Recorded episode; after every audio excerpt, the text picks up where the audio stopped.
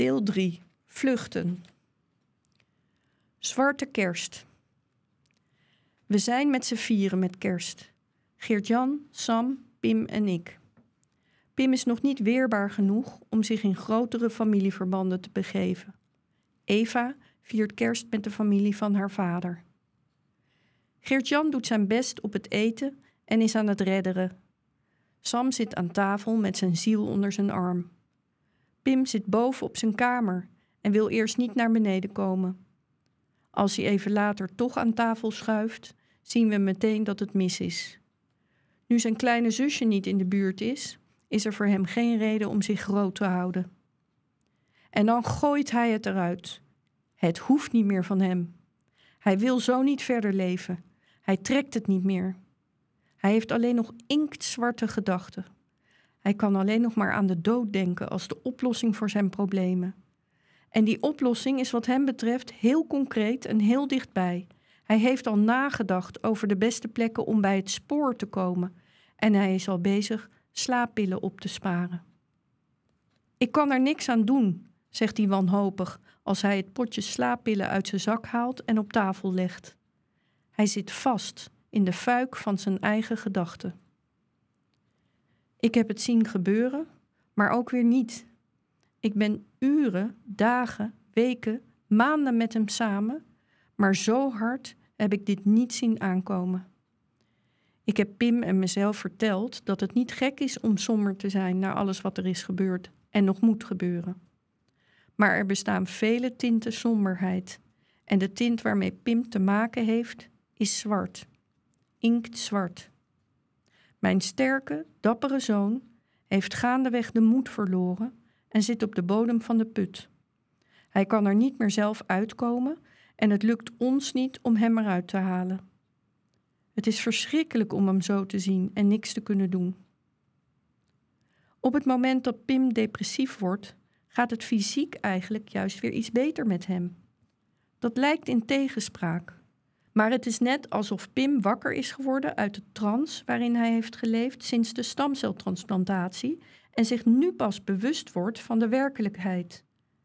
Het lijkt wel alsof Pim wakker is geworden uit een nachtmerrie en opeens beseft dat het geen nachtmerrie is, maar zijn leven. We zitten met z'n drieën om Pim heen en we zijn intens verdrietig. We praten, we huilen, we troosten, maar we kunnen hem niet bereiken. We verstoppen zijn slaappillen. Die krijgt hij vanaf dat moment alleen nog maar per stuk. We bedenken of we nog andere maatregelen moeten nemen.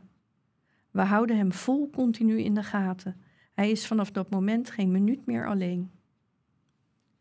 De dag na kerst zoeken we hulp via de specialistisch verpleegkundige van het LUMC.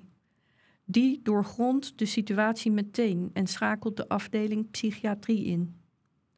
Er komen twee psychiaters in opleiding naar de polykliniek hematologie die Pim in een aparte kamer interviewen. Ze gaan terug naar hun eigen afdeling om de conceptdiagnose te bespreken met de begeleider. Na een lange middag wachten krijgt Pim antidepressiva voorgeschreven. Hij krijgt pillen mee voor een paar dagen, daarna moet hij zich weer in het ziekenhuis melden. Het kan een aantal weken duren voordat de antidepressiva zijn ingeregeld en de afdeling psychiatrie wil de situatie nauwgezet volgen. De eerste dagen is Pim vooral suf. Daarna zegt hij het verschil niet te merken. Toch lijken op een gegeven moment de scherpste randjes van de depressie af te zijn. Maar door de medicijnen vlakt de hele Pim af. Hij is niet meer heel boos, verdrietig of somber, maar ook niet, nooit, meer blij, vrolijk of gelukkig. Hij is niet meer helemaal Pim. Pim gelooft in de medicijnen, maar niet in de therapieën. De gesprekken die wekelijks volgen met de psychiater in opleiding zijn behoorlijk waardeloos van twee kanten. Er is geen klik. De psychiater blijft Pim met u en meneer aanspreken. Het gesprek blijft het niveau houden van een half gestructureerd interview. Pim krijgt kinderlijk huiswerk mee, zoals minstens vijf minuten per dag fijne muziek luisteren. Hij luistert de hele dag muziek. en minstens twee keer per week een kwartier wandelen. Hij wandelt bijna elke dag. Hij moet een mooie film kijken en daarna opschrijven wat hij voelt. Hij schrijft helemaal niks op. Pim knikt en kijkt in de verte. Als hij het recept voor de antidepressiva maar meekrijgt aan het eind van het gesprek. Als de psychiater in opleiding een keer afwezig is, krijgt Pim een van de echte psychiaters te spreken. Het is bepaald niet Pims type, maar ze hebben wel een goed gesprek. De psychiater is het met Pim eens dat therapie op dit moment nog niet heel zinvol is. Hij legt uit dat de ziekte, de behandeling en de ziekenhuisopnames Pim een traumatische ervaring hebben bezorgd. Hij vergelijkt de situatie met soldaten in de oorlog, die pas aan hun trauma's kunnen worden geholpen als ze zijn teruggekeerd van het slagveld. Die vergelijking spreekt tot Pims verbeelding.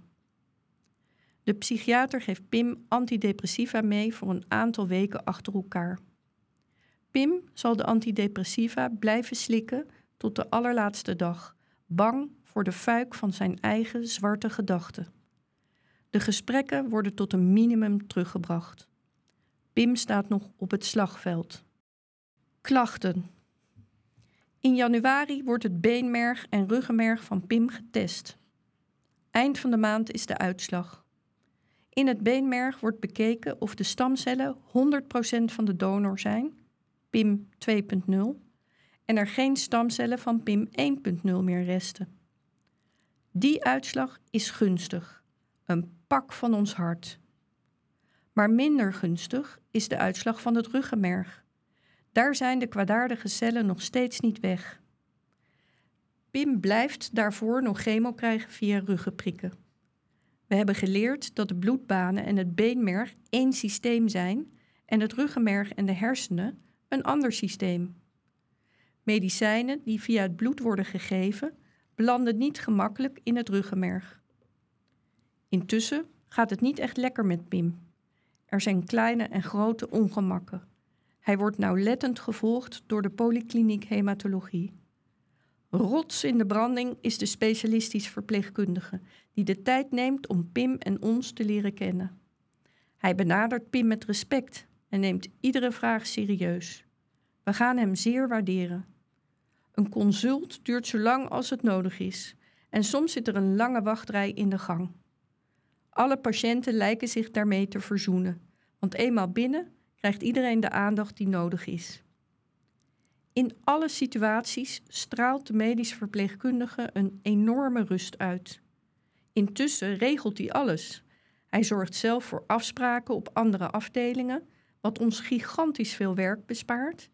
Hij regelt kuren, belt uitslagen door en faxt recepten voor medicijnen naar onze eigen apotheek of, s'avonds, naar het dichtstbijzijnde ziekenhuis, zodat we niet nog een keer naar Leiden heen en weer hoeven te rijden. Als Pim niet bereikbaar is, belt hij Geert-Jan of mij. En hoe gaat het met jullie? vraagt hij altijd aan het eind van het gesprek. De klachten die Pim het meest dwars zitten, zijn in medische termen niet het ergst. Behalve van jeuk heeft Pim last van keelpijn, een droge mond, verkoudheid, dichte oren, verlies van geur en smaak. Pim is gewend geraakt aan zware medicijnen en vraagt ernaar alsof het snoepjes zijn. Prednisonzal voor de jeuk, oxycodon voor de keelpijn, zoplicon om te slapen. De medisch verpleegkundige geeft tegengas. Het gemak waarmee Pim medicijnen neemt wordt te groot.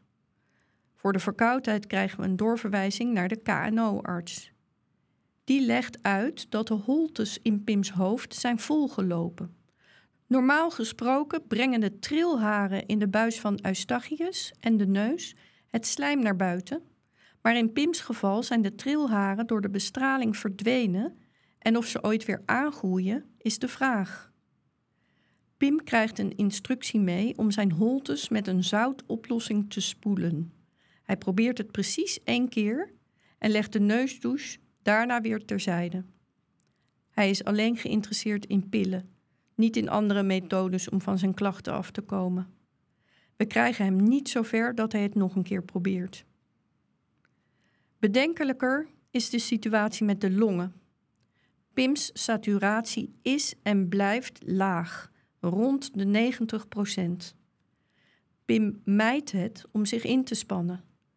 Doet hij dat wel, bijvoorbeeld door een trap te beklimmen, dan hijgt hij als een oude man. Er is iets met de longen. Er zijn vlekken onderin de longen te zien op de foto. Wat het is, wordt niet duidelijk. Ook niet na een afgrijselijk onderzoek, longscopie, waarbij vocht uit de longen wordt gehaald via een slang door Pim's luchtpijp. Waarschijnlijk zijn de longen aangetast als gevolg van de graft versus host of de bestraling, denk ik achteraf. We realiseren ons maar half wat dat zou kunnen betekenen. Geen lange wandelingen meer, niet meer voetballen en sporten. Pim's bloedwaarden, trombocyten, dalen. En dat kan erop wijzen dat die virus aan het opruimen is. We raken bekend met twee grote vijanden van kwetsbare patiënten: het adeno- en het CMV-virus. Dit zijn virussen die vrijwel iedereen bij zich draagt, maar niet bedreigend zijn bij een normale conditie. De virussen worden beide in Pim's bloed gedetecteerd en hij krijgt een heftige antivirale kuur voorgeschreven, valganciclovir. Het medicijn geeft hem een opgejaagd, oncomfortabel en bevreemdend gevoel. Pim beschrijft het alsof ik in mijn lichaam vastzit. In het LUMC geven ze de stamceltransplantatie in twee delen. Eerst de stamcellen, later gevolgd door de T-cellen van de donor. Later is volgens het protocol na een half jaar. Door de stamceltransplantatie in twee delen te geven, wordt de kans op graft versus host beperkt. Maar een groot nadeel is dat de weerstand van de patiënt al die tijd laag blijft en de kans op terugkeer van de ziekte groter wordt. Het duurt een tijd voordat mensen die een stamceltransplantatie ondergaan zelf weer T-cellen aanmaken. De T-cellen zijn nodig om virussen, bacteriën en ook de kwaadaardige cellen op te ruimen. Tijdens een consult in januari vragen we of de T-cellen niet vervroegd, na drie maanden, kunnen worden gegeven in de hoop dat Pim meer weerstand opbouwt en daardoor ook minder klachten heeft. Bovendien zint het ons niet dat de ziekte nog steeds in zijn ruggenmerg zit. De T-cellen staan gepland rond 1 april, is het antwoord van de hematologe na consultatie van haar collega's. We zien geen aanleiding om ze eerder te geven. Autoritten. Pim heeft tijdens zijn ziekte opgeteld zeker vier maanden in het ziekenhuis gelegen. In de overige tien maanden heeft hij gemiddeld twee keer per week de polykliniek bezocht. Ik gok dat Pim ongeveer 100 keer op en neer is gereden naar het LUMC en wij meer dan 200 keer om hem te begeleiden en bij hem op bezoek te gaan. Met Pim gaan we altijd met de auto. Het is veel te risicovol voor hem om met het openbaar vervoer te reizen. Vanwege zijn lage bloedwaarde moet hij het vermijden om in aanraking te komen met virussen en bacteriën.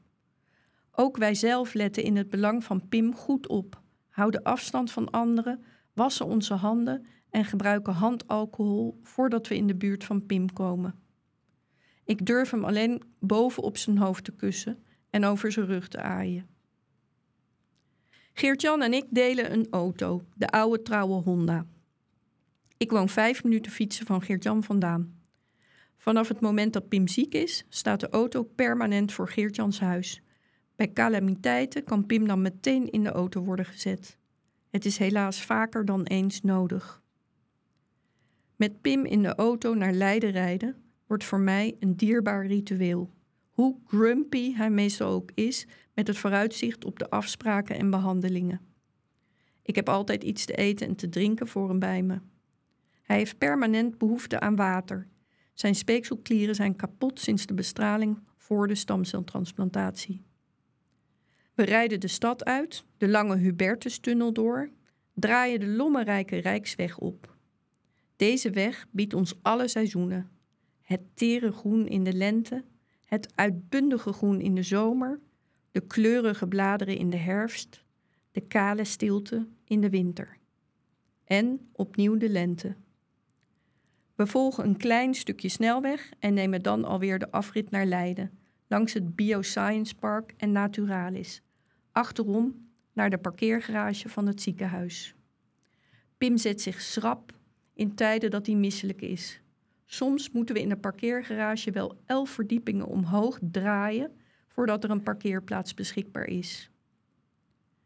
We zwijgen, we keuvelen en we luisteren naar de radio. Het is het eerste wat Pim doet als hij is ingestapt: de radio aanzetten. Met de uitgestoken wijsvinger van zijn linkerhand drukt hij op de knop. Luistert hij thuis vooral hip-hop en RB? In de auto zet hij het liefst Sky, Q-Music of 538 op. Gemakkelijke, populaire hits die door Pim van commentaar worden voorzien. Meestal vindt hij het niets. Alles moet kloppen voor Pim. De tekst, de muziek, de beat, de zang, de emotie. Soms valt hem iets in positieve zin op. Davina Michel breekt door in de tijd dat we heen en weer rijden. Zij kan zingen, zegt hij goedkeurend. Ook de tekst van het nummer waarmee ze doorbreekt, Duurt te lang, van Glenn Faria, vindt hij niet slecht. We horen tijdens zo'n autorit ook voor het eerst van Suzanne en Freek met het nummer Als het avond is. Dezelfde diagnose, Suzanne kan zingen. Freek komt minder uit de verf. Ook dit nummer komt vaak voorbij en geeft aanleiding tot nadere analyse. De muziek is een beetje kitsch en ook de tekst geeft te denken. Pim proeft de zinnen op zijn tong. Geef me stukjes toekomst. Dat is echt wel heel lelijk, zegt hij.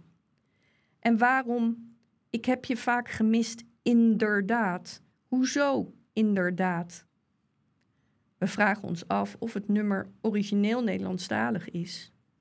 Dit kan ook Google Translate zijn, zegt Pim.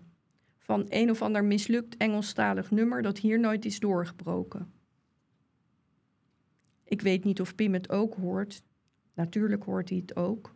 Maar daar hebben we het samen niet over. Als ik luister met een ander oor, zijn het pure kutnummers die veel te vaak voorbij komen.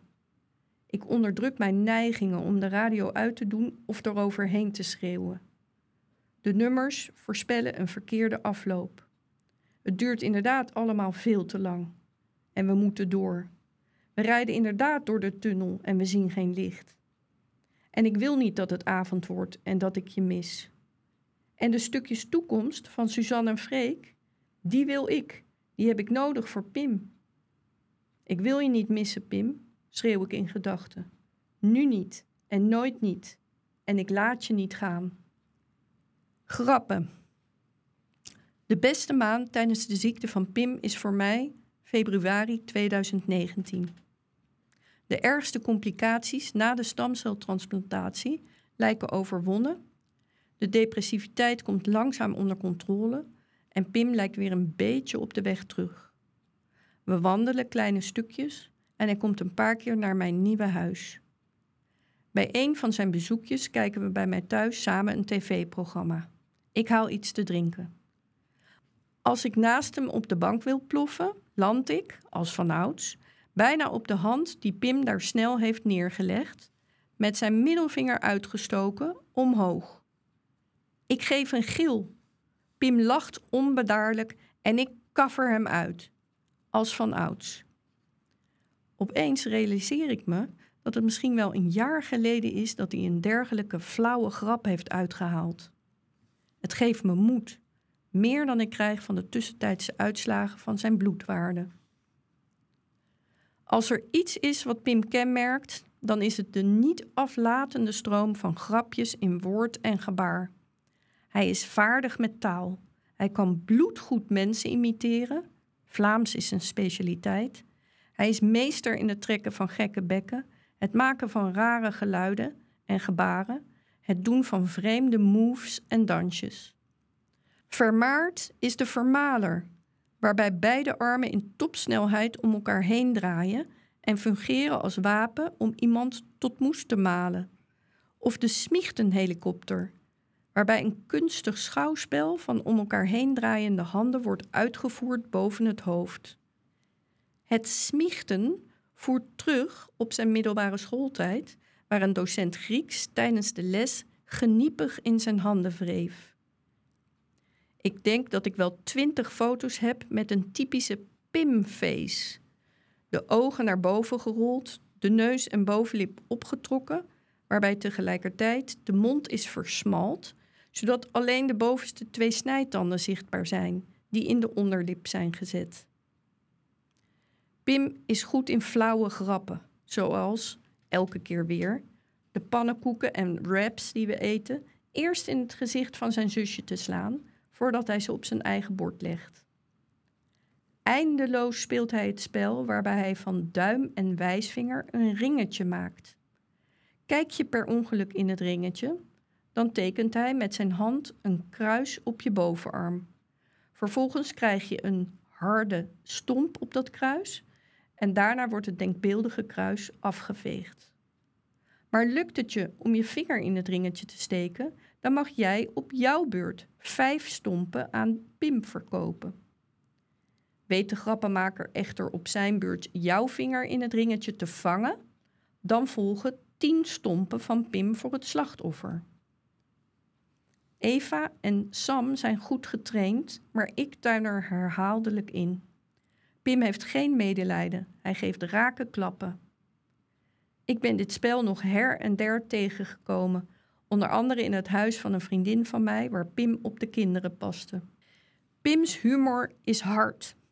Absurde humor waardeert hij ook. Hij kijkt graag naar stand-up comedians en naar roasts. Hans Steven is favoriet onder de Nederlandse cabaretiers, Jerome en Philippe bij de Belgen. Voetbal International kijkt hij voor de controversiële uitspraken van Derksen en de gierende uithalen van Gijp. Pim citeert eindeloos met een hoog stemmetje uit de filmpjes van Kud. Liefje, aandacht! Maar liefje, ik heb zo'n honger. Of met een lagere stem, besmuikt. Wil je dat ik wegga? En de topper, die we nog steeds allemaal moeiteloos citeren. Maar er is één ding dat ik niet begrijp. De olifant was de weg naar het circus vergeten, maar een olifant vergeet toch nooit wat? Pim houdt van leedvermaak. Hij pakt je waar hij je pakken kan. Als ik iets stoms doe, roept Pim met de intonatie van een ervaren circusdirecteur. Applaus voor Jet! Pim vermaakt zich eindeloos door mensen met dieren te vergelijken. Een van de hematologen is een molrat. De buurvrouw met het stevige onderstel is Miss Piggy. Het is een genot om talentprogramma's op tv te kijken met ouderwets Pim-commentaar. Oei, zegt hij over een jongen met een lange nek. Een lama. En over het meisje van wie de ogen wijd uiteenstaan. Yo, wat een hamerhaai. Als hij dexamethason slikt, is hij zelf een pad. En als hij dikke enkels en voeten krijgt, noemt hij ze stevast krokodillenpoten. In de periodes dat het slecht gaat met Pim, zijn er geen grappen meer. Als hij in de overlevingsstand staat en daarna depressief raakt, gaan er maanden voorbij zonder ook maar één klein grapje. Hoogstens is hij cynisch. Pas later krijgen we onze oude Pim een beetje terug. Tijdens het laatste bezoek aan het ziekenhuis, als de scans zullen uitwijzen dat de schade in het ruggenmerg definitief en onomkeerbaar is, zie ik op de gang de psychiater lopen. Pim ligt op een ziekenhuisbed te wachten tot hij naar binnen wordt gereden om de scan te laten maken. Pim, daar is de psychiater. Doe gauw een laken over je hoofd, zeg ik. Afgemeten klinkt het vanuit zijn horizontale positie. Misschien kan hij beter zelf een laken over zijn hoofd doen. Het beeld is zo treffend, de psychiater die als een spook door het ziekenhuis rondwaart, dat ik de slappe lach krijg op de gang.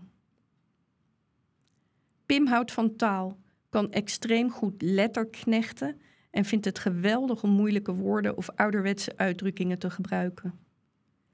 GJ noemde me lamstraal en zakkenwasser, zegt hij tevreden als hij verslag doet van een ruzie met zijn vader. Dezelfde vader heeft tijdens Pim's ziekte een boek geschreven en draagt het op aan Pim. Lief pa, appt Sam in onze groepsapp bij de foto van het voorblad met de opdracht voor Pim. Geert-Jan appt. Maken van het boek viel samen met de leukemie. Pim appt. Dan had het eigenlijk moeten zijn voor de leukemie. Wankelen. Eind februari maken Pim, Eva en ik een wandeling. We gaan naar het Panbos in het duingebied tussen Wassenaar en Leiden. Het is een mooie dag en het is behoorlijk druk. Wandelend naar de uitgang krijgt Pim een verschrikkelijke aandrang om te plassen. Doe normaal, roep ik, als hij gewoon aan de rand van het wandelpad gaat staan. Maar hij kan het niet langer ophouden. Dit is niet des Pims. Op 1 maart vraag ik Pim of hij nog even wil lopen. Niet lopen, appt hij mij. Ben vanochtend van de trap gevallen, dus erg last van mijn nek. En op 3 maart meldt Geert-Jan... Hij is net gevallen bij het aankleden. Welke doop veroorzaakt die evenwichtstoornissen? heb ik terug. Geert-Jan probeert me gerust te stellen dat hij ook wel eens bijna omvalt als hij staande zijn broek aantrekt. Maar Pim overkomt dit soort dingen niet. In gezonde toestand heeft Pim de beste coördinatie en de meeste kracht van iedereen die ik ken. En zelfs op zijn zwakste momenten, zoals na de eerste chemokuur, blijft hij, letterlijk, op zijn uitstekende motoriek terugvallen. Een paar dagen later vraag ik of we nog even zullen lopen. Pim wil niet. Een klein rondje dan, gewoon in de buurt, probeer ik. Wat heeft dat nou voor zin? sputtert Pim tegen. Uiteindelijk stemt hij toe, als ik uit het werk naar hem toe kom en voor de deur sta. We lopen de straat uit, slaan links af, lopen naar de winkelstraat die een mooie mix biedt van Turkse bakkers, Poolse supers, hippe vegan tentjes, degelijke ketenfilialen, een bruin café en een koffieshop. Vlak voor de Albert Heijn gaat hij opeens hard onderuit op de trottoirtegels en rolt hij door naar de straat. Godverdomme, vloekt Pim hardgrondig, terwijl hij in de goot ligt. Ik help hem snel overeind en we lopen terug naar huis, zonder iets te zeggen. Mijn uitgestoken arm negeert hij. Het zijn de eerste tekenen van Pims instabiliteit. We zoeken het in eerste instantie in de bijwerkingen van medicijnen. Het zou de combinatie van oxycodon, morfine, en itraconazol, antischimmelmedicijn, kunnen zijn. De specialistisch verpleegkundige vindt het wankel evenwicht zorgelijk en stuurt Pim op vrijdag 8 maart door naar de neuroloog. Er wordt een ruggenmergpunctie gedaan en neurologisch onderzoek. Pim heeft nog wel kracht in zijn benen, hij heeft gevoel onder zijn voetzolen en zijn reflexen zijn goed, maar hij mist coördinatie. Er wordt een MRI van Pims hersenen en ruggenmerg gemaakt, terwijl Geert-Jan en ik samen op de gang wachten. We blijven tot ver na zes uur s'avonds zitten, omdat de neuroloog ons gelijk de uitslag heeft beloofd. De gang is leeg. Het wordt stil om ons heen. En net als een jaar geleden, toen we in het Bronovo ziekenhuis op de diagnose wachten, bekruipt me een beklemmend gevoel. We mogen mee naar het kantoor van de neuroloog op de inmiddels uitgestorven afdeling, waar hij ons de foto's laat zien. Op de MRI is een onduidelijke vlek te zien in het ruggenmerg ter hoogte van de nek. Voor coördinatieproblemen bij de benen een atypische plek. De neuroloog kan het niet meteen plaatsen. De week daarop kan Pim niet meer lopen zonder krukken. Als hij s'nachts valt, heeft hij moeite om zichzelf overeind te helpen. Op vrijdag 15 maart zijn we smiddags bij de KNO-arts. Pim probeert in eerste instantie om de afdeling zelf met behulp van de krukken te bereiken. Het is te vermoeiend. Geert-Jan haalt een van de kanariegele rolstoelen die als boodschappenkarretjes bij de ingang van het ziekenhuis en de parkeergarage staan. Als Pim in de rolstoel gaat zitten, besef ik dat we in een neerwaartse spiraal terecht zijn gekomen. Aansluitend op de KNO-arts hebben we een afspraak bij hematologie. Het bezoek aan de KNO-arts loopt uit. Ik moet ruzie maken met de receptioniste, die aanvankelijk weigert om Pim door te laten, omdat er geen pasfoto aan zijn dossier is toegevoegd. En dan word ik gebeld. De specialistisch verpleegkundige vraagt of we echt nog wel even langs hematologie komen. Een dergelijk telefoontje hebben we nog niet eerder gekregen en het zweet breekt me uit. Bij de polykliniek hematologie wachten de specialistisch verpleegkundige en de hematologen ons op. De verpleegkundige maakt plaats voor ons en voor Pim in de gele rolstoel. De hematologe oogt nerveus. Als we zitten, valt ze hakkelend met de deur in huis. Pim, we hebben geen goed bericht. De ziekte is terug. Uit de ruggenmergpunctie is een toename gebleken van het percentage kwaadaardige cellen. Of dat een direct verband houdt met de uitval van zijn benen, kan ze niet zeggen. Pim hoort de hematologe uiterlijk onbewogen aan. In overleg met de neuroloog wil de hematologe hem meteen laten behandelen. Na het weekend wordt hij opgenomen. Ze legt uit welke behandeling hem te wachten staat en wat ze daarmee hopen te bereiken. De verpleegkundige kijkt Pim intussen onderzoekend aan, zoekt contact met hem, vraagt non-verbaal om een teken, een reactie, een emotie. Er valt een stilte, waarin niemand weet wat hij moet zeggen. Dat is jammer, zegt Pim, uiteindelijk beheerst. Heel jammer. In de auto op de terugweg begint Pim over zijn hele lijf te trillen. Ik kan het niet helpen, zegt hij rillend. We zeggen dat het niet geeft, dat het niet gek is om zo'n reactie te hebben na dit vreselijke nieuws. Ik besef hoe waanzinnig sterk hij steeds is geweest. Geert-Jan chauffeert, Pim zit ernaast en ik zit op de achterbank. Ik ga achter Pim zitten, pak hem stevig vast om het trillen te bezweren en laat hem de hele autorit niet los. Mijn hart huilt om wat mijn zoon al voelt en ik al weet, maar wat we nog niet willen toegeven. Donkere wolk. Op 18 maart wordt Pim opgenomen op de afdeling neurologie. Ik heb me suf geluld om dat voor elkaar te krijgen. Zijn klachten zijn vooral neurologisch van aard, maar vanwege zijn onderliggende ziekte is en blijft hematologie de hoofdverantwoordelijke afdeling. Maar Pim wil daar onder geen beding meer worden opgenomen. Na een interventie bemachtigt hij op de afdeling neurologie een eenpersoonskamer. Hij is mentaal in zeer slecht te doen. De nieuwe tegenslag nekt hem. Met twee benen die het laten afweten, kan hij niet omgaan. Wij zijn ongerust en bang voor wat er komen gaat.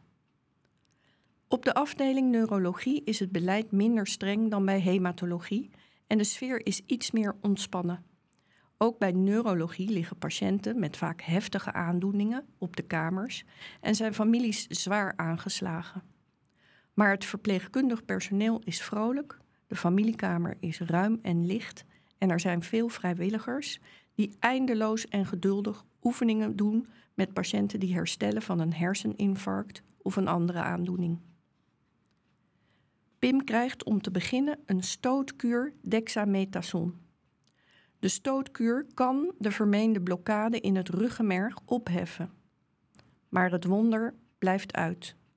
Wel heeft Pim subiet weer last van de vreedbuien die met het medicijn gepaard gaan.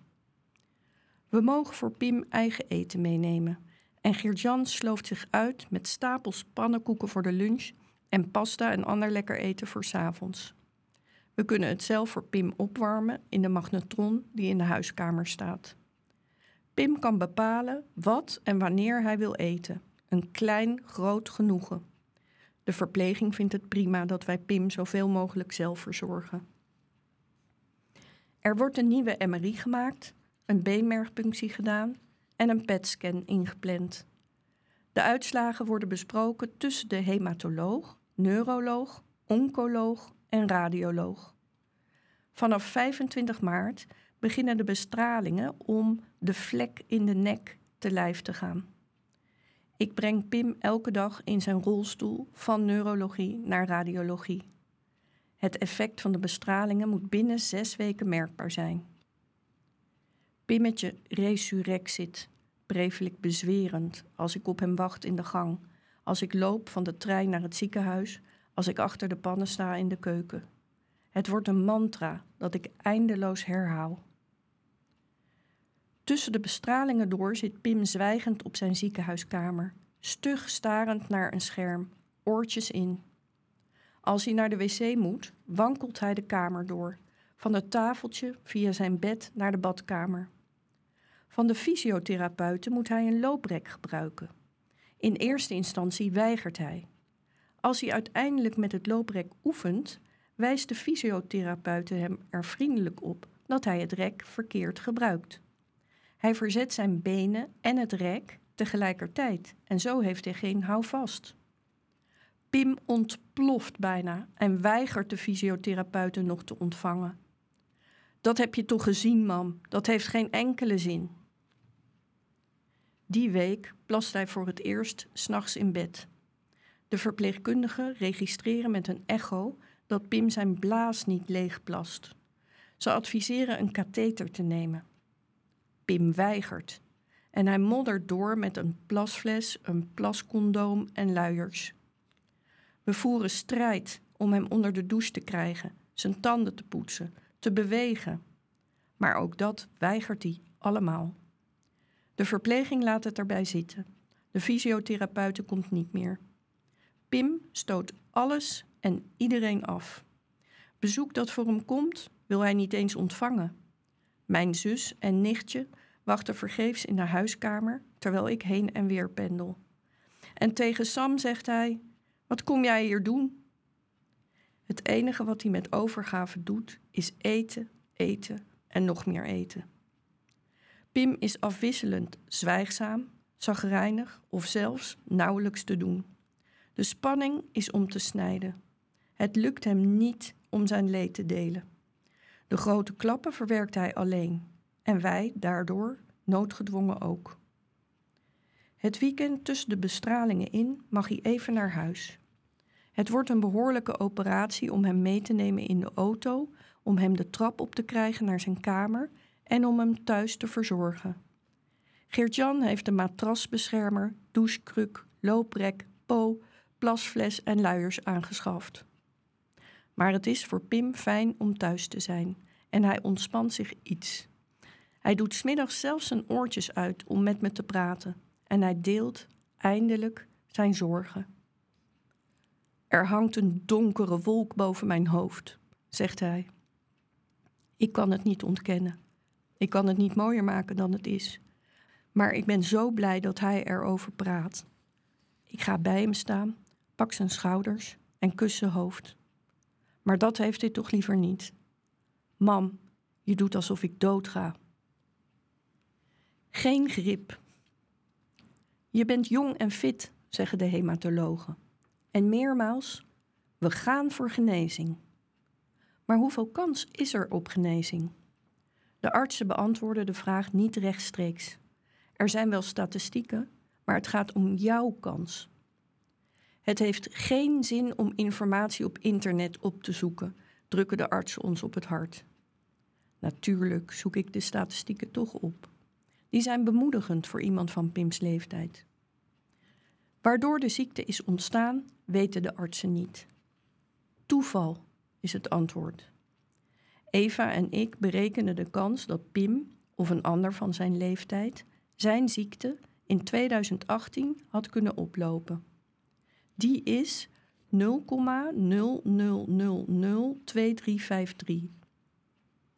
Ik vind het heel moeilijk om in toeval te geloven.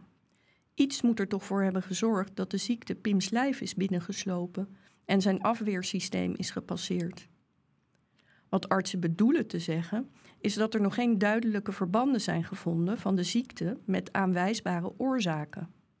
Er zijn geen genetische verbanden gelegd en ook geen verbanden met bijvoorbeeld virussen, bacteriën of chemische stoffen. Ze weten het domweg nog niet. Is toeval daarvan de juiste vertaling? Of Pim het redt, is onzeker. Hoe de behandeling verloopt, kan niet worden gezegd. En wat er daarna van hem overblijft, is vervolgens nog de vraag. Je kunt volledig genezen of eindigen met 50% van jezelf. Dat kan door de ziekte komen, maar ook door de behandeling. Er zijn helaas vele verhalen van bloedkankerpatiënten die na de behandelingen nooit meer op hun oude niveau terugkeren. Na de stamceltransplantatie speelt in het bijzonder het fenomeen van graft versus host. Er kunnen meer of minder complicaties optreden doordat het lichaam zich verweert tegen de nieuwe cellen. En de complicaties kunnen eenmalig, maar ook chronisch zijn. Voor Pim en ook voor ons is het ingewikkeld om met al deze onzekerheden te moeten leven. Ik wil vooral weten of er een stijgende lijn zit in de bloedwaarde, of het been- en ruggenmerg schoon is en Pim op schema ligt. Pim leeft in zijn lijf en wil vooral weten hoe lang de koorts aanhoudt, wanneer de pijn en jeuk over zijn en wanneer hij zijn reuk en smaak weer terug heeft. De vele complicaties die Pim te verduren krijgt na de stamceltransplantatie maken het traject nog moeilijker. Pims lijf, dat altijd zijn trots was en dat hij zo goed beheerste, wordt een onberekenbare vijand. Hij voelt zich continu slecht en er lijkt geen eind aan de complicaties en klachten te komen. Zijn depressiviteit rond kerst 2018 heeft daar zeker mee te maken. Maar ook wij vechten ons door de dagen heen. Wanneer breekt het moment aan dat we kunnen denken: hij is weer op de weg terug? De behandelend hematologen en de specialistisch verpleegkundigen bij de poli zijn eerlijk. Op veel vragen is het antwoord: we weten het niet, Pim. Of ja, het kan van de stamceltransplantatie komen, maar ook van de bestraling of de chemo. En bij iedereen verloopt de ziekte anders. Pim wordt er cynisch van. En bij een van de consulten wacht hij niet eens op het antwoord van zijn vraag. Jullie zullen het wel weer niet weten, hè? De onzekerheid neemt in verhevigde mate toe als een jaar na dato het percentage slechte cellen in het ruggenmerg is toegenomen en Pim tegelijkertijd coördinatieproblemen krijgt. Via een MRI-scan zien de artsen iets in het ruggenmerg. Dat kan een lymfoom zijn, al dus de hematoloog en neuroloog, maar ook chemoschade, al dus de radioloog. Er ontstaat een duivels dilemma. Bij een lymfoom is meer chemo nodig en bij chemoschade juist niet. De artsen twijfelen er wordt een second opinion ingewonnen bij het Erasmus ziekenhuis in Rotterdam. Ook dat geeft geen uitsluitsel. Het is killing, appt Pim over deze situatie aan mij. Niemand kan er wat aan doen. Het is niet in mijn grip, niet in jouw grip, zelfs niet in de dokters hun grip. Pim 2.1 in het LUMC wordt de stamceltransplantatie gegeven in twee delen. Eerst worden de stamcellen toegediend die zorgen voor nieuw beenmerg en in latere instantie de T-lymfocyten die het afweersysteem versterken. Er zijn ook ziekenhuizen die stam- en T-cellen in één geven. Het is een keuze tussen twee kwaden. Bij het stamceltotaalpakket is de kans op de graft versus host groter en de kans dat de ziekte terugkeert kleiner. En bij het scheiden van stam- en T-cellen is dat precies andersom. Sinds begin 2019 vragen we herhaaldelijk of Pim niet vervroegd zijn portie T-cellen kan krijgen. Het is duidelijk dat zijn afweersysteem veel te lijden heeft onder een niet aflatende stroom van virussen, bacteriën en schimmels. Hij heeft de T-cellen hard nodig om al die aanvallen te weerstaan. Nog veel alarmerender is het dat zijn ruggenmerg niet schoon is. Hoewel het ruggenmerg niet is verbonden met de bloedbaan, is er via minuscule bloedvaten bij de ruggengraat bij Pim waarschijnlijk wel ergens een lek ontstaan, waardoor de ziekte zijn ruggenmerg heeft kunnen bereiken. Mijn simpele redenering is dat de T-cellen van de donor dan via hetzelfde lek het ruggenmerg kunnen bereiken, om daar hun goede werk te doen. De hematologen van het LUMC houden over onze vraag collegiaal beraad, maar blijven bij hun standpunt om PIM volgens protocol te behandelen. De T-cellen staan gepland rond 1 april en tot die tijd blijft Pim chemo's in zijn ruggenmerg krijgen. Op 6 april is het eindelijk zover. Geert-Jan gaat met Pim naar het ziekenhuis en ik kom iets later ter plekke samen met Eva, die ik van Schiphol heb opgehaald. Pim ligt op de meerpersoonskamer van de stamceltransplantatie, de kamer waar ook de stamcellen worden geoogst van Nederlandse donoren. In de hoek staat de stoel waar bloed is afgenomen bij Sam om te bepalen of hij donor voor zijn broer kon zijn. Op de kamer staat ook een indrukwekkend apparaat dat het bloed centrifugeert, zodat de stamcellen kunnen worden geoogst. Er staat een rij bedden die van elkaar kunnen worden gescheiden door gordijnen. De gordijnen zijn vandaag niet nodig. Pim is de enige patiënt. De behandeling is simpel. Pim krijgt een infuus met plasma. Het plasma zit in een onaanzienlijk buisje, ter grootte van een slagroomspuit. Maar het zijn kakelverse T-cellen, net geoogst bij dezelfde donor die de stamcellen aan Pim heeft afgestaan. De T-cellen gaan een frontale aanval inzetten op alle kwaadaardige cellen die ze tegenkomen. Misschien pakken ze ook de vlek in het ruggenmerg wel aan, maak ik mijzelf wijs. Althans, als die vlek is veroorzaakt door lymfomen. Er blijven T-cellen achter in de vriezer voor als er later nog een portie nodig is.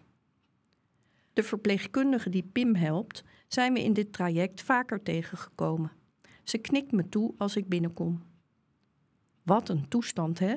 zegt ze bedrukt. Ze doelt op de rolstoel. Ze zal Pim moeten hebben geholpen om op bed te komen. Ik knik, maar besteed er even geen aandacht aan. De blijdschap bij Pim om Eva's terugkeer, die een week met school in Italië is geweest, overheerst. Bovendien heb ik een grote hamburger en een milkshake voor Pim meegenomen. Ik pieker later veel over de T-cellen. Wat als Pim ze toch gelijk met de stamcellen had gekregen? Of na drie maanden? Hoe was dan het verloop van de ziekte geweest? Waren dan misschien de chemo's in zijn ruggenmerg niet nodig geweest? Een stemmetje in mijn hoofd blijft zeggen dat ik heb gefaald. Dat ik me er begin van het jaar niet bij had moeten neerleggen. Dat ik mijn gevoel had moeten volgen. En dat ik had moeten blijven aandringen. Maar ik heb geprobeerd mijn gevoel uit te zetten, mijn verstand te volgen en mezelf over te leveren aan de expertise van de specialisten. Pim piekert op dit moment even niet. Ik kijk hoe hij grote happen van de king-size hamburger neemt en glimlachend naar zijn zusje kijkt, die vertelt hoe zij het heeft gehad. De T-cellen lopen snel naar binnen en Pim 2.1 mag mee naar huis. We mogen nog even hopen. Topdag. Na twee weken mag Pim de afdeling neurologie verlaten. De bestralingen zijn afgelopen. Het is nu afwachten of ze iets hebben opgeleverd. Tot nu toe is dat helaas niet het geval. We zijn dan wel thuis, maar de agenda van Pim en van ons stroomt vol met ziekenhuisafspraken. Behalve met hematologie zijn er nu ook afspraken met neurologie, de revalidatiearts, de uroloog en thuis met fysiotherapie. De neuroloog raadt aan om een reservoir in Pims hoofd te plaatsen, een alternatief voor de ruggenprikken. Pim wikt en weegt. Hij haat de ruggenprikken, maar het reservoir moet operatief worden aangebracht en verwijderd. Hij laat het nog even zitten, omdat de rugprikken niet heel frequent worden gegeven. Op 9 april wordt hij voor zijn keuze hard gestraft als een stuntelende neurologe een aantal keren vreselijk misprikt. Ik krimp op de gang bij het horen van zijn onderdrukte kreten. Later blijkt de uitslag van deze prik onbetrouwbaar, omdat het licor door het misprikken met gewoon bloed is vermengd. Het is een zeer cruciale fase van Pim's ziekte. Het is linksaf of rechtsaf met de behandeling. Het is er op of eronder. En nu zitten we met een verziekte uitslag. Het zijn dit soort momenten waarop ik het betreur dat we in een academisch ziekenhuis zijn beland. Ik begrijp ontzettend goed dat iedereen het vak moet leren. Maar ik verafschuw het uit de grond van mijn hart als er aan mijn kind wordt geprutst. 9 april is sowieso een topdag. Aansluitend aan de afspraak met de neuroloog hebben we een gesprek met een revalidatiearts. Deze arts moet ons doorverwijzen naar een revalidatiecentrum in Den Haag. Revalideren kan gelukkig ook dicht bij huis. Als het LUMC er wat dwang en drang achter zet, zou Pim snel bij de revalidatie terecht kunnen. Anders is de wachttijd eindeloos. Pim heeft sowieso niet zoveel geloof in het concept revalidatie. Hoezo revalideren? Wat valt er nog te revalideren?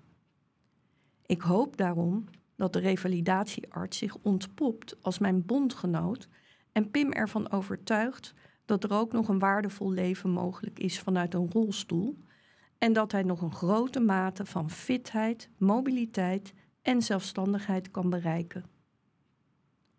Maar het gesprek met de revalidatiearts is een enorme flop.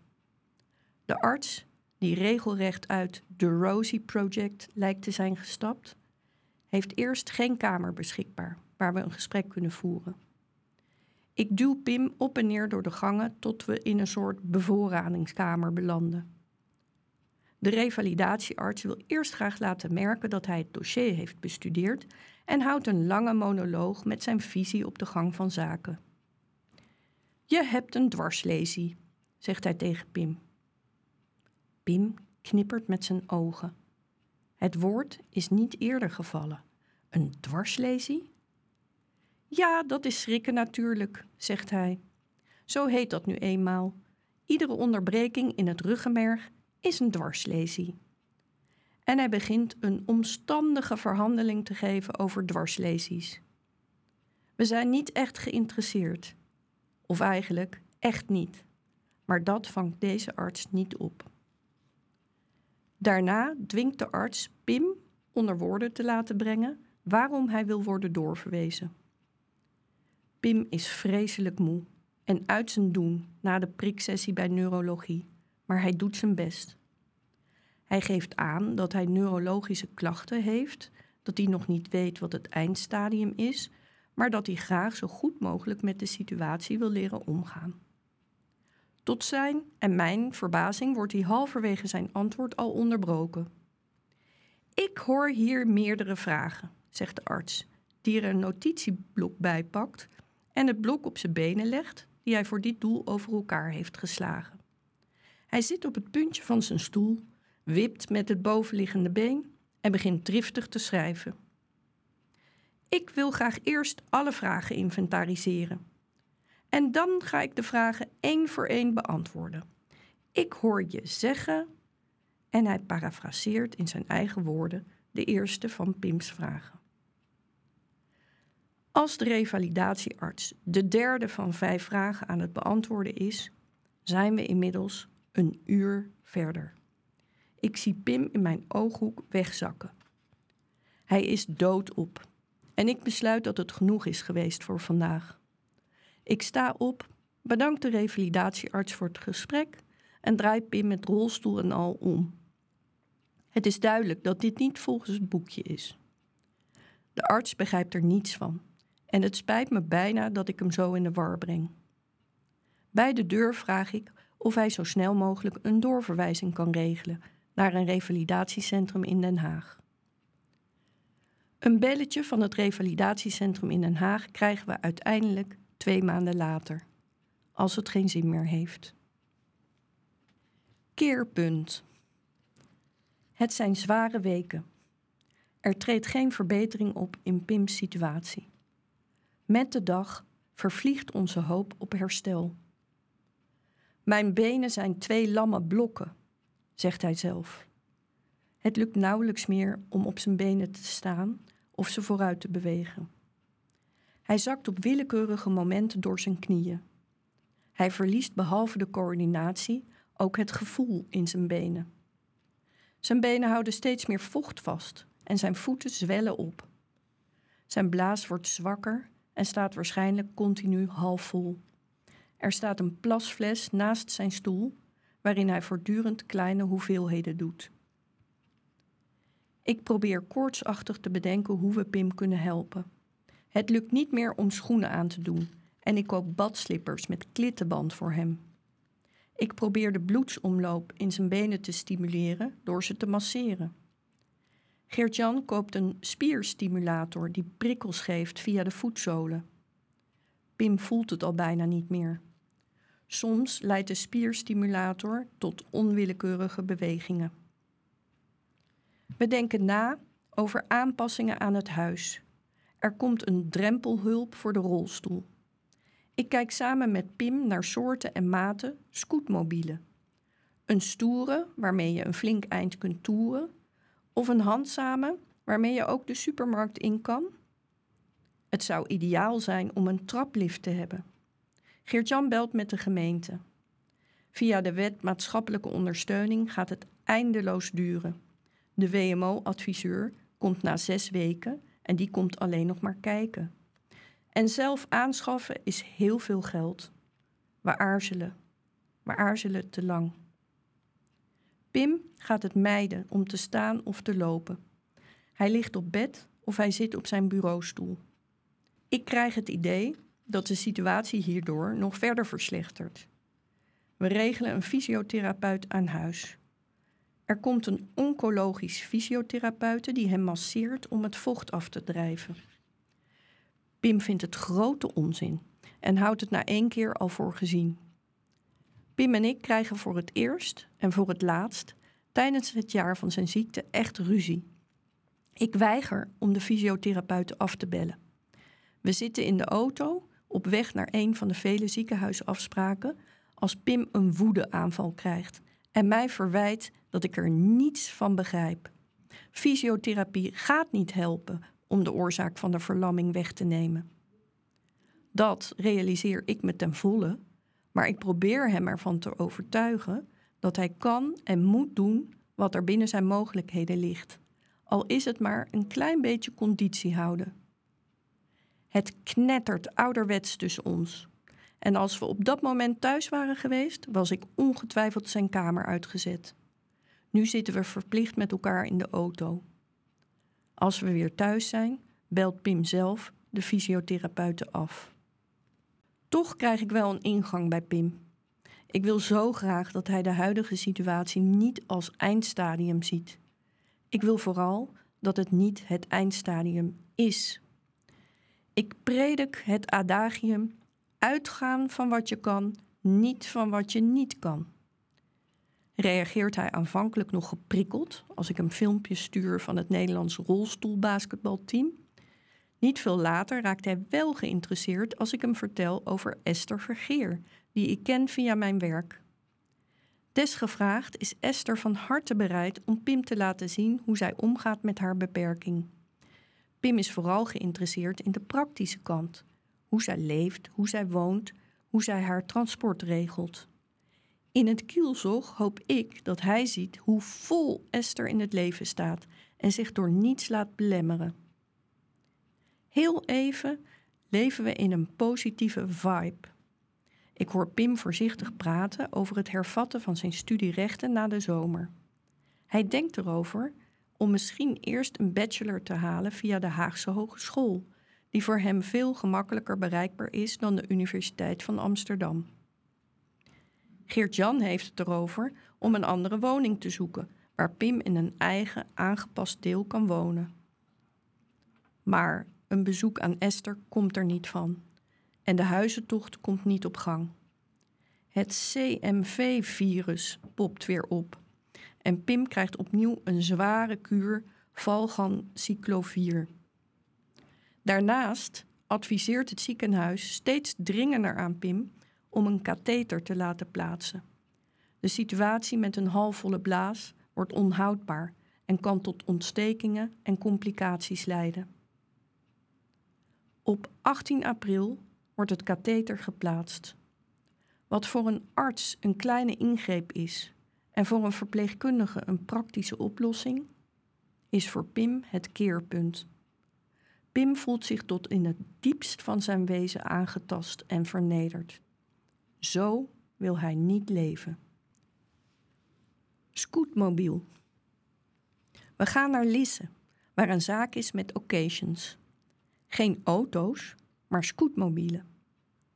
Het aanschaffen van een scootmobiel is een prijzig grapje en voor we voor de hoofdprijs gaan, willen we eerst kijken hoe het bevalt. We schatten in dat Pim zichzelf nog op een scootmobiel kan hijsen en zelfstandig op pad kan gaan. Begin april hebben we heel even de hoop dat iets in Pims ruggenmerg is gestabiliseerd. Een paar weken lang lijkt de situatie zich niet verder te verslechteren. Pim heeft nog wat kracht en gevoel in zijn benen. Het is vooral het coördinatievermogen dat ontbreekt. We hopen dat dit door revalidatie kan verbeteren. Basale zaken kan Pim nog zelf. Hij kleedt zich aan, hijst zich uit bed op eigen kracht, stept door zijn kamer in de bureaustoel op wielen. De wc bereikt hij met een looprekje. Hulp heeft hij nodig om van de trap af te komen en beneden aan de trap wacht de rolstoel. Er is een zwarte scootmobiel die er wel stoer uitziet en schappelijk is geprijsd. Er is een kleinere zilveren die ook wel wat lijkt. De verkoopster rijdt de scootmobielen de toonzaal uit naar buiten. Ze legt uit hoe de scootmobiel werkt. Ik zie Pim niet heel erg opletten, maar vooral naar de hendels en knoppen kijken. Hij wil het wel proberen. Ieder kind leert op zijn eigen manier. Sam en Eva namen de tijd om te kijken en af te wachten. Ze gingen pas als ze het gevoel hadden dat ze het konden. Bij Pim was het vooral trial and error. Vol ergens ingaan en dan maar zien waar het schip strandt. Waar Sam en Eva pas na hun eerste jaar hun eerste stapjes deden, voorzichtig langs de rand van de bank, rende Pim al voor zijn eerste jaar over een grasveld, zonder houvast en zonder te weten waar de rem zat. En zoals het met lopen ging, ging het ook met fietsen. Hij wilde graag fietsen, maar wist lange tijd niet hoe. Aanwijzingen geven of het voordoen hadden geen zin. Maar opeens kon hij het. Tijdens een vakantie in Denemarken reed hij eindeloos rondjes om het huisje dat we hadden gehuurd, zonder te weten waar de rem zat. De scootmobielen hebben een verrassend goede wegligging en blijken uiterst wendbaar. Ze zijn eenvoudig te bedienen. Remmen is de hendel loslaten. Pim probeert de ene scootmobiel uit en ik de andere. We draaien rondjes op een geasfalteerd plaatsje achter de zaak. Hoe hard kan hij? vraagt Pim aan de verkoopster. Mag ik even op de weg? De zaak ligt aan een rustig industrieterrein en de verkoopster stemt toe, hoewel de onverkochte scootmobiel op de weg eigenlijk niet verzekerd is. Ik zie een klein glimlachje op Pims gezicht als ze dat zegt. Niet verzekerd was ook de Tomos, die Pim in zijn later puberteit had aangeschaft. Het kleine, stinkende exemplaar onder de brommers. Detail was dat Pim geen scooterrijbewijs had en zodoende ook geen verzekering kon krijgen. Pim wist dat hij een risico nam, maar de verleiding was te groot. Hij reed als een nozem door de stad. Tot hij op een dag de rem te laat vond en achterop een auto knalde. Als toetje kreeg hij ook nog een aanschrijving van de RDW, omdat er een onverzekerd brommobiel op zijn naam stond geregistreerd. Het grapje kostte honderden euro's. Deze trial werd een dure error. De scootmobiel kan niet heel erg hard, maar ik zie vol trots hoe Pim heen en weer rijdt op het industrieterrein. Tussen mijn oogharen door zie ik hem rijden door de stad, door het bos of in het zonnetje op de boulevard naar het terras waar zijn vrienden zitten. Ik gun Pim de mobiliteit, zelfstandigheid en vrijheid die de scootmobiel kan brengen. Als we met de auto naar huis rijden, hoor ik Pim met vrienden bellen hoe de scootmobiel kan worden opgevoerd. Ik maak me geen zorgen. Pim weet waar de rem zit. Zorg thuis. Mijn ouders hebben thuiszorg. Mijn vader kan niet meer zelfstandig douchen sinds hij zijn heup gebroken heeft. De hulp van de thuiszorg is een groot genoegen. Alleen het tijdstip waarop de zorg wordt geboden is onvoorspelbaar. Mijn ouders gaan voor de zekerheid vroeg uit de veren. Soms is de thuiszorg er al om acht uur en soms duurt het tot elf uur voordat er iemand komt. Thuiszorg is voor Pim geen optie. Hij wil zijn eigen ritme volgen. Hij gaat op wisselende tijden slapen en wil zo lang mogelijk uitslapen. De ene keer is hij om tien uur wakker, de andere keer om twaalf uur of nog later. De gang naar de poosstoel, het enige waarbij we hem en ons soms een echte professional wensen, is al helemaal onvoorspelbaar. Thuiszorg is daardoor moeilijk te plannen. Misschien hadden we de laatste weken palliatieve zorg kunnen krijgen, maar we hebben het niet geprobeerd. Ook andere vormen van professionele hulp hebben we niet ingeroepen. En dus zorgen we zelf voor hem. Geert-Jan in de eerste plaats. Geert-Jan helpt Pim ochtends met verschonen en aankleden. Samen hebben ze een techniek gevonden om Pim uit bed te krijgen en op zijn bureaustoel te zetten. Pim slaat zijn armen om zijn vaders hals en Geert-Jan grijpt zijn handen in elkaar achter Pims rug. Pim, daar gaan we. Eén, twee, drie. En met een uiterste krachtinspanning short Geert-Jan 80 kilo omhoog van het bed en draait hij Pim in de bureaustoel.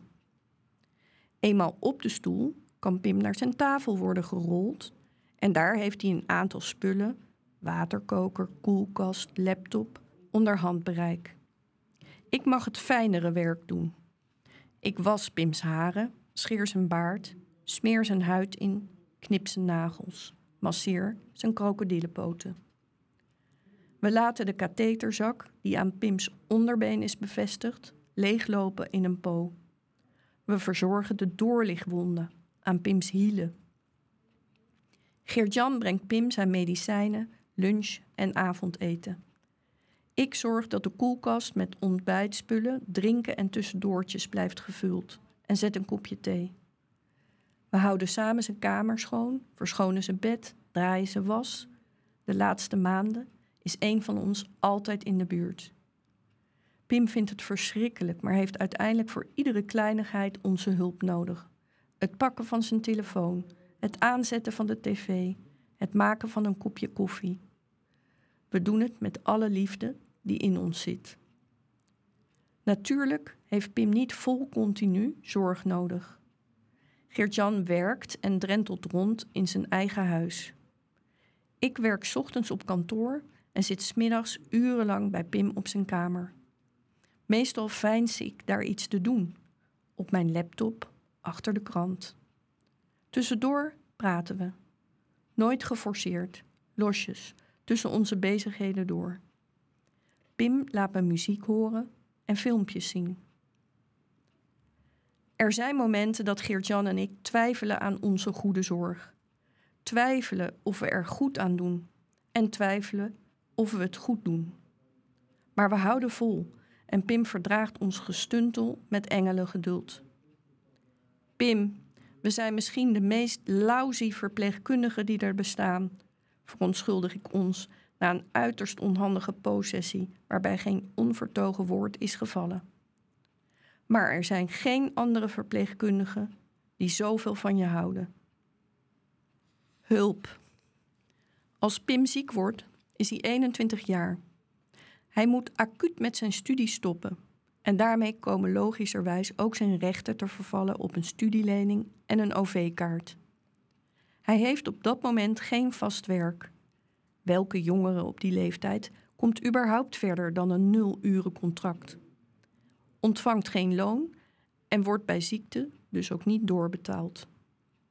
Omdat het voor Pim vervelend is om geen eigen inkomsten te hebben en omdat we voorzien dat we nog voor grote uitgaven komen te staan, zoekt Geert-Jan naar de mogelijkheden die er wel zijn.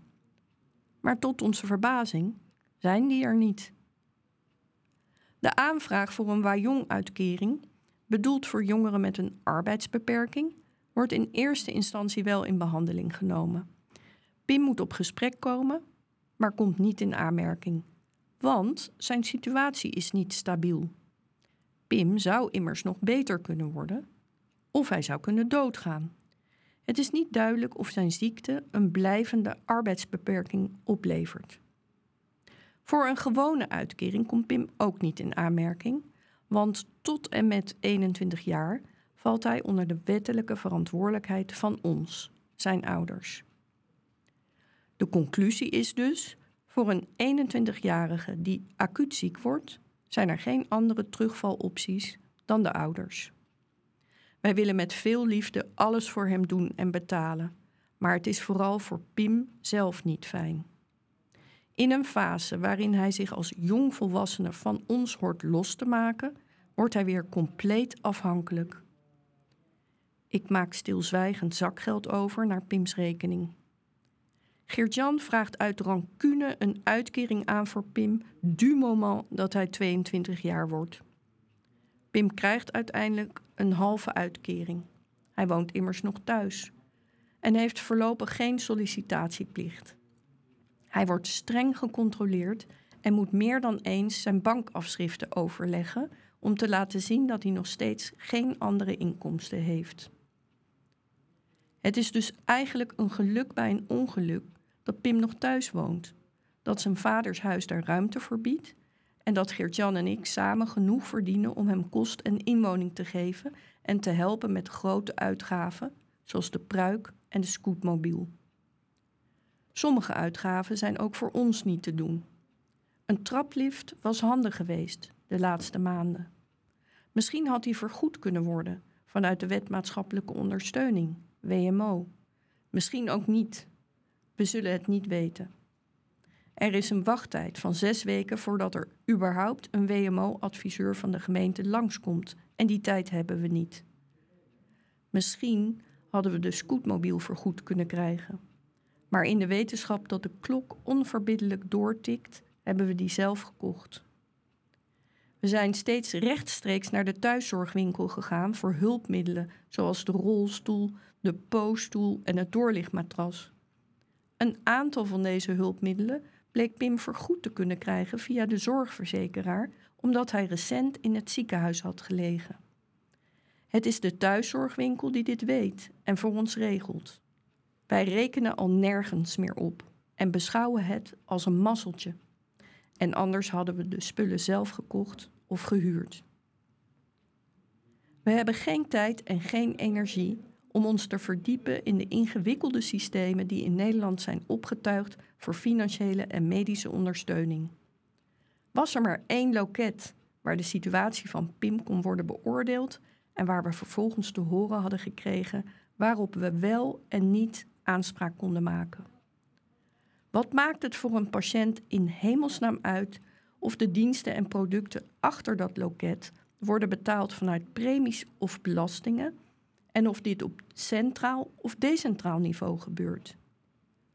Het mooie Nederlandse zorgsysteem, gebouwd op solidariteit, is versplinterd en verbureaucratiseerd. En de menselijke maat is uit het systeem verdwenen.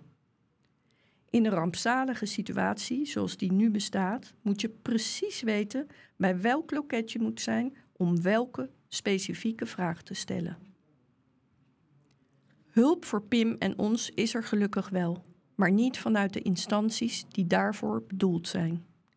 De hulp komt van mensen, van mijn collega's en leidinggevenden die mij vrijspelen voor mantelzorg, mijn vervanging regelen en mijn projecten overnemen.